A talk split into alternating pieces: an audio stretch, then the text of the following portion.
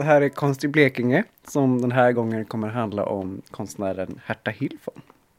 Jag har ju läst Minnenas vind av Maj-Lis Stensman, en konsthistoriker som är lite men som kan väldigt mycket, eller har kunnat mycket. Det är väl hon som är experten då, som jag har förstått det, på, på Herta Hilfon. Men, men Herta Hilfon är kanske mest känd för sina ansikten. Det är så huvuden eller maskar som är väldigt stiliserade. Eh, det är liksom ögon och det är mun.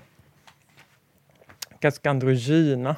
Det är svårt att veta om det är ett kvinnoansikte eller ett mansansikte. Ja, de finns ju nästan överallt. Eller de finns på många platser i offentliga utsmyckningar och även i mindre form så att de kan vara i privata samlingar och så. Och i museisamlingar och så. Mm. När jag kollade igenom hennes verk och liksom gått in djupare i det så... Eller jag har aldrig riktigt fastnat för Herta Hilfons konstnärskap. Och det har ju med de här maskerna och ansiktena att göra. Att de inte har tilltalat mig. Så det känns fint på något sätt att sätta sig djupare in i hennes konstnärskap. Det är bland annat en bild i den här boken på ett verk som är ett tygstycke som är gjort i keramik som ligger, ska man säga, hur skulle du beskriva det, på kanten av en, det är som en trä, träpelare eller träkloss som är ganska, väldigt, ganska grovt huggen och sen vilar det här tygstycket liksom nästan faller av eller vilar på i keramik. Ja, du beskriver det ganska bra. Det är, väldigt, det är en väldigt hög kloss som den hänger ifrån. Eller vilar mm. på.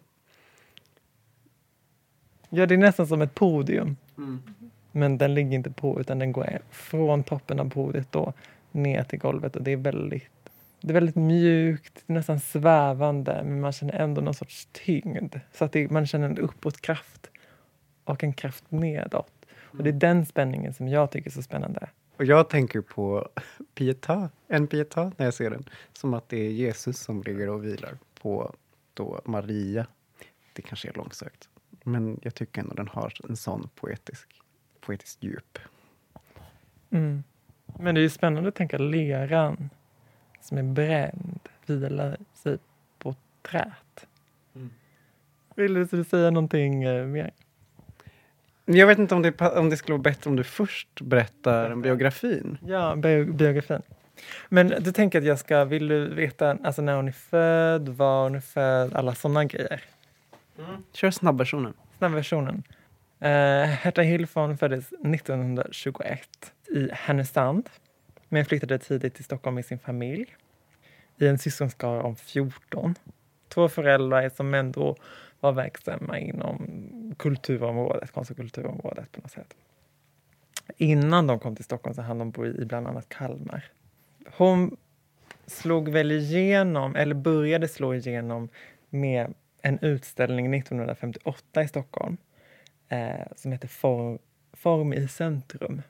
Det kanske var bara några år efter hon tagit examen för Konstfack. På Konstfack gick hon relativt sent i livet. Det var efter och liksom hon hade fått barn och barnen hade blivit lite mer vuxna. Så började hon på Konstfack. Och innan dess hade hon gått på någon målarskola.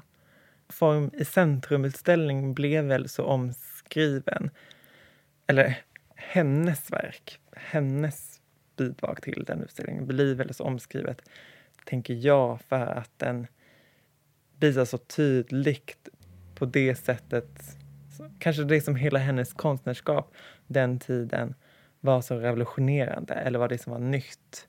Det som hon, att hon genom öppnade upp för någonting.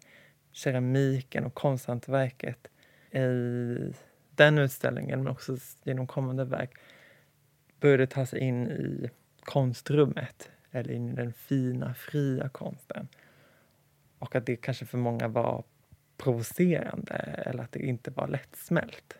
Men också då hur konsthantverkskodade material, såsom keramiken, tar nya former, lämnar det funktionella eller lämnar prydnadsnormen, att behöva vara prydnadsfull och närma sig symboliska eller liksom tunga eller mättade ämnen, nya tematiker. Och i det är hon inte bara tidig i en svensk kontext utan också internationellt. Så från den här utställningen så, och utställningar som kom efter den här Form i centrum 1958 så var hon ju med på utställningar i hela Norden men också i Europa och USA där hon blev omskriven och upplyft i internationella tidningar som Washington Post etc. Och på något sätt där blev ju hennes genombrott. Där var ju det, eller det blev ju cementerat och sen efter det så rullade ju bara offentliga uppdrag på och på och sen hon blev ju invald i Konstakademin sen senare i sitt liv och så. Nej men hon eh, bodde och jobbade ju hela sitt liv sen i Mälarhöjden. Det var en stuga som de ärvde som sen blev både verkstad och hus som hennes man då, förstod jag det som, är arkitekt eh, ritade de här husen. Eh, hon var på en studieresa till eh, Italien. En, en längre studieresa för att titta på etruskisk konst som verkar ha inspirerat henne mycket. Det har stått på eh, flera eh, ställen om just det här.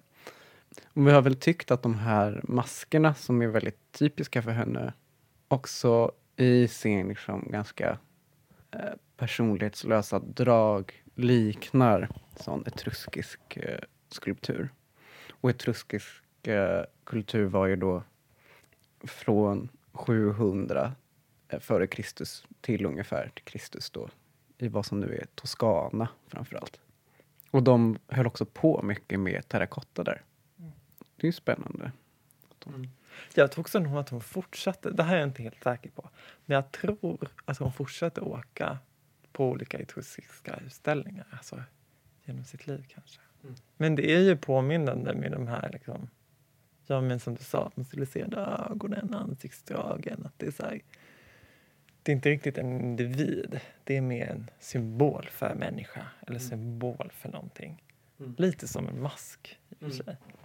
Eller som liksom, gudomar. De är liksom mer än människa. Fast sen så känner man säkert igen de här mer guldmasken också, som är någon slags solmask. Det verkar ju vara hämtat, det finns ju i mer inka-kultur. Så. Som de verkar kunna ha hämtat fritt från historien också.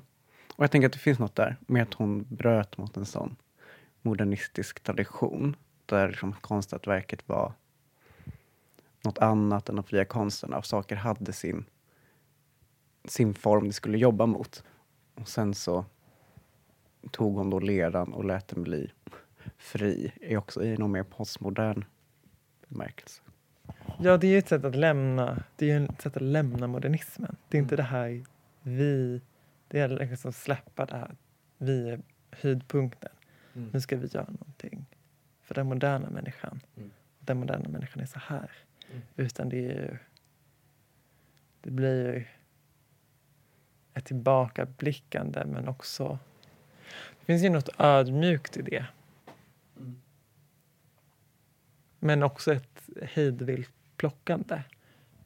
Men gjorde det inte hon... Det var någonting med att hon jobbade... Det skrev i alla fall Maj-Lis också om i den här boken hur hon jobbade med leran. Att hon är väldigt inspirerad av brödbak. Med att kavla ut degen och så sen en skiva. Och sen jobbar hon med den här med ytan då till en form. Ja, som en utkavlad deg som hon väcker på något sätt för att skapa det här ansiktet, masken. Mm. Masker är ju också väldigt platta. Mm. Det är kanske också det som är mask maskens funktion. Att det ska ju dölja djupet i människan och så ska det bara bli den här ytan. Men också det här bakandet. Jag tänker, för att jag läst på flera ställen att hon på något sätt håller på med det vardagliga. Och att, men det är ju flera sådana verk som jag tycker mycket om när hon då har på något sätt återskapat klädesplagg och liknande i, i lera. Att det ändå är nära det vardagliga livet på något sätt. Jag vet inte, det är någonting med att hon också tydligen var så jätteproduktiv. Och att hon säger, ja hon, medan hon kokade potatis så gjorde hon en kruka. Typ. Det var så hon började dagen. Eller det var liksom sådana citat. Som återkommande.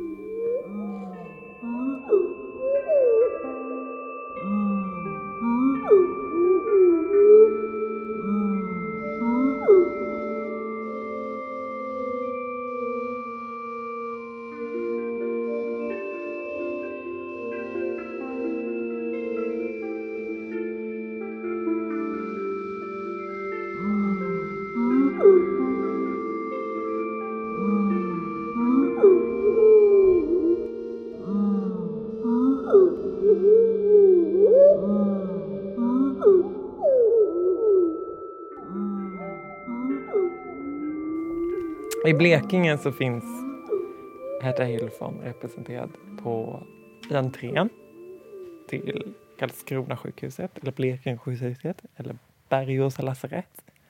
Det andra verket det är ju Musa som står i Sölvesborgs bibliotek. Det är en väggskulptur från 1983. Ja, det är ju det här typiska ansiktet. Och sen så är det en snäcka. Ja, jag tänker på, på Venus. Någonting med havet. Och Musa kanske föddes av någon sorts... Ja, musa. Ja, eller att det liksom är det här med ljudet. Man ska snäcka mot örat. Det är liksom ljudet av allt. Det här noiset som blir när man har... Varför säger du det? Varför säger du det? Varför säger du? Nej, jag tänkte bara att hon har ju återkommande symboler. Tupp, ormen, tjurhuvudet, munnen, tyget och det där stiliserade ansiktet. Och många av dem kan ju läsas kristet symboliska. Men finns ju säkert också i antika symbolspråk också säkert.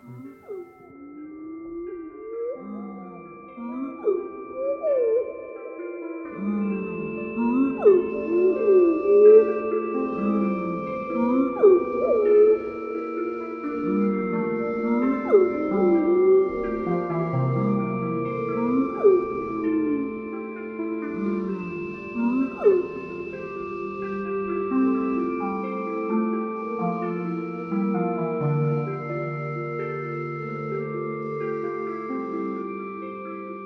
Tuppen är söt.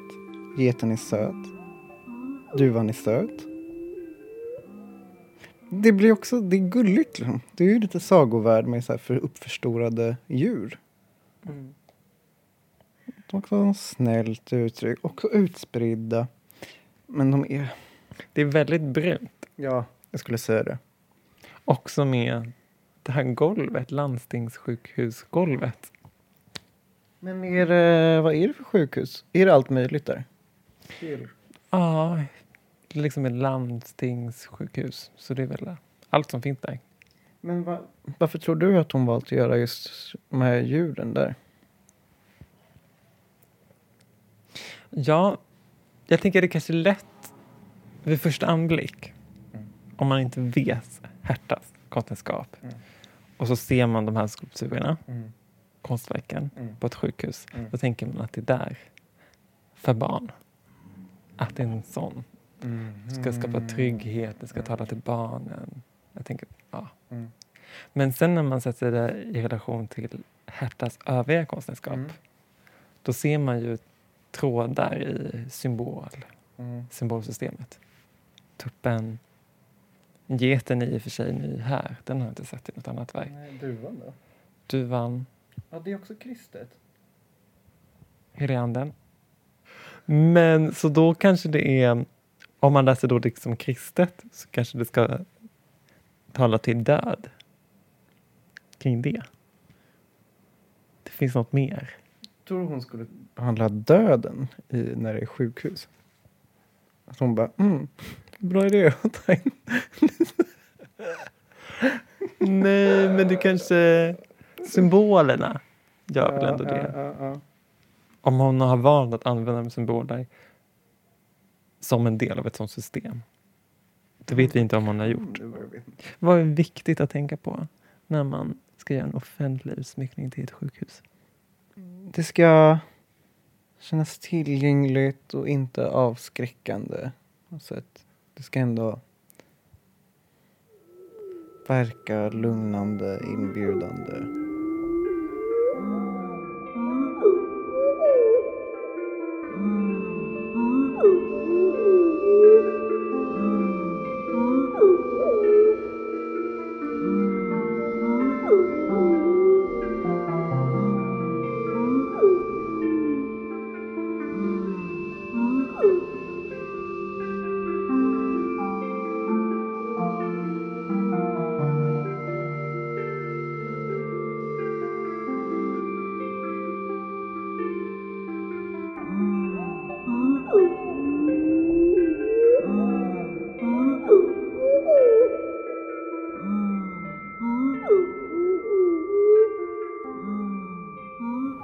Hjärtstilla, kärleksört, aktorn, rölleka, styvmorsviol, citronmeliss, hjärtans fröjd, johannesört. Här gillar jag. Det ser lite ut som eh, koraller eller en massa snäckor på något sätt. Havstulpaner som klär en klipphäll. Syster jorden, vår moder. Hur- Här ser man ju verkligen hur Herta jobbar med leran. Att den är utkavlad och sen veckar den här plana skivan. Och det är, ett, det är väldigt kroppsligt på något sätt. Men, och växter och vatten igen, tycker jag. Alltså den är ju, det är som tång eller något. Eller liknande. Den, den ser nästan blöt ut, den är så blank. Glasyren täcker helan helt. Det är jättevackert. Ja, det är också nästan som att den lever. Alg, alltså, eller ett djur. Ja, eller så insidan av en tarm, jättestora. Ja. Järnväck. Ja. Vad heter sådana? Det har något namn för järn. järn. Järnväck. Järnväck. Oj. Oj. Vad tycker du om Hertas konst här vid Danderyds sjukhus då? I tunneln här. Ja, men det är gången mellan tunnelbanan och sjukhuset så har Herta fått smycka ut utspritt massa små olika delar längs väggarna. Och det var mycket de här olika örter som tydligen var gamla tiders läkemedelsörter. Och så var det med solen och tuppen och ansikten. Vissa saker var glaserade, andra inte. Det var vissa saker var mer platta, andra hade ju väldigt så struktur som var mer organiska, levande. Men jag tycker, jag vet inte vad det är, men den är ändå varm konst. Den har något sånt gott över sig, det här rummet. Vad är det? Det kanske är leran för att den är... Den drar en åt jorden på något sätt. Den förankrar en. Precis. Men och att är de så här förenklade blommor, det är den här glada solen. Alltså det är ju något sånt lite... Så här, Nej, visst. Ja, lite nervöst men också grundat och varmt. Typ. Arketyper kanske. Men för sån, jag gillar ändå att verket är utspritt längs hela väggarna Mm. eh, i ett rum. Och att det, ja, att det sammanhänger i någon slags symbolik och så. Ja, att det är en liten värld, verkligen. Inte bara fråga om utsmyckning utan just det där symbolsystemet. Som både är... Det är verkligen Hertas egna symbolsystem. Men också ett symbolsystem som knyter an till andra vedertagna symbolsystem. Mm. Det är spännande. Mm. Men jag undrar att det är just i de här gamla läkemedelskonsten, om det är något sånt här feministiskt drag, att det är liksom den gamla kvinnokunskapen på något sätt. Ja, det känns, inte, det känns verkligen som att det skulle kunna vara en av henne, Hertas tankar. Mm. Men hon pratar ju om sin drejning och brödbakandet Mm. och arbetsamheten. Mm, Och, mm, mm. Och ändå försöker gå tillbaka till någonting, en idé om uråldrighet eller evighet med hennes etruskiska uttryck. Mm, mm, mm. Men man kommer ju från tunnelbanan här. Och så ska man gå till sjukhuset. Så då ska man gå till den moderna läkekonsten. Men man måste gå igenom den uråldriga, den gamla, den äldre. Mm. Så det blir också någon sorts iscensättande av den här kunskapens progression. Eller idén om den i Ja, alla för sen fall. ska man också upp i ljuset.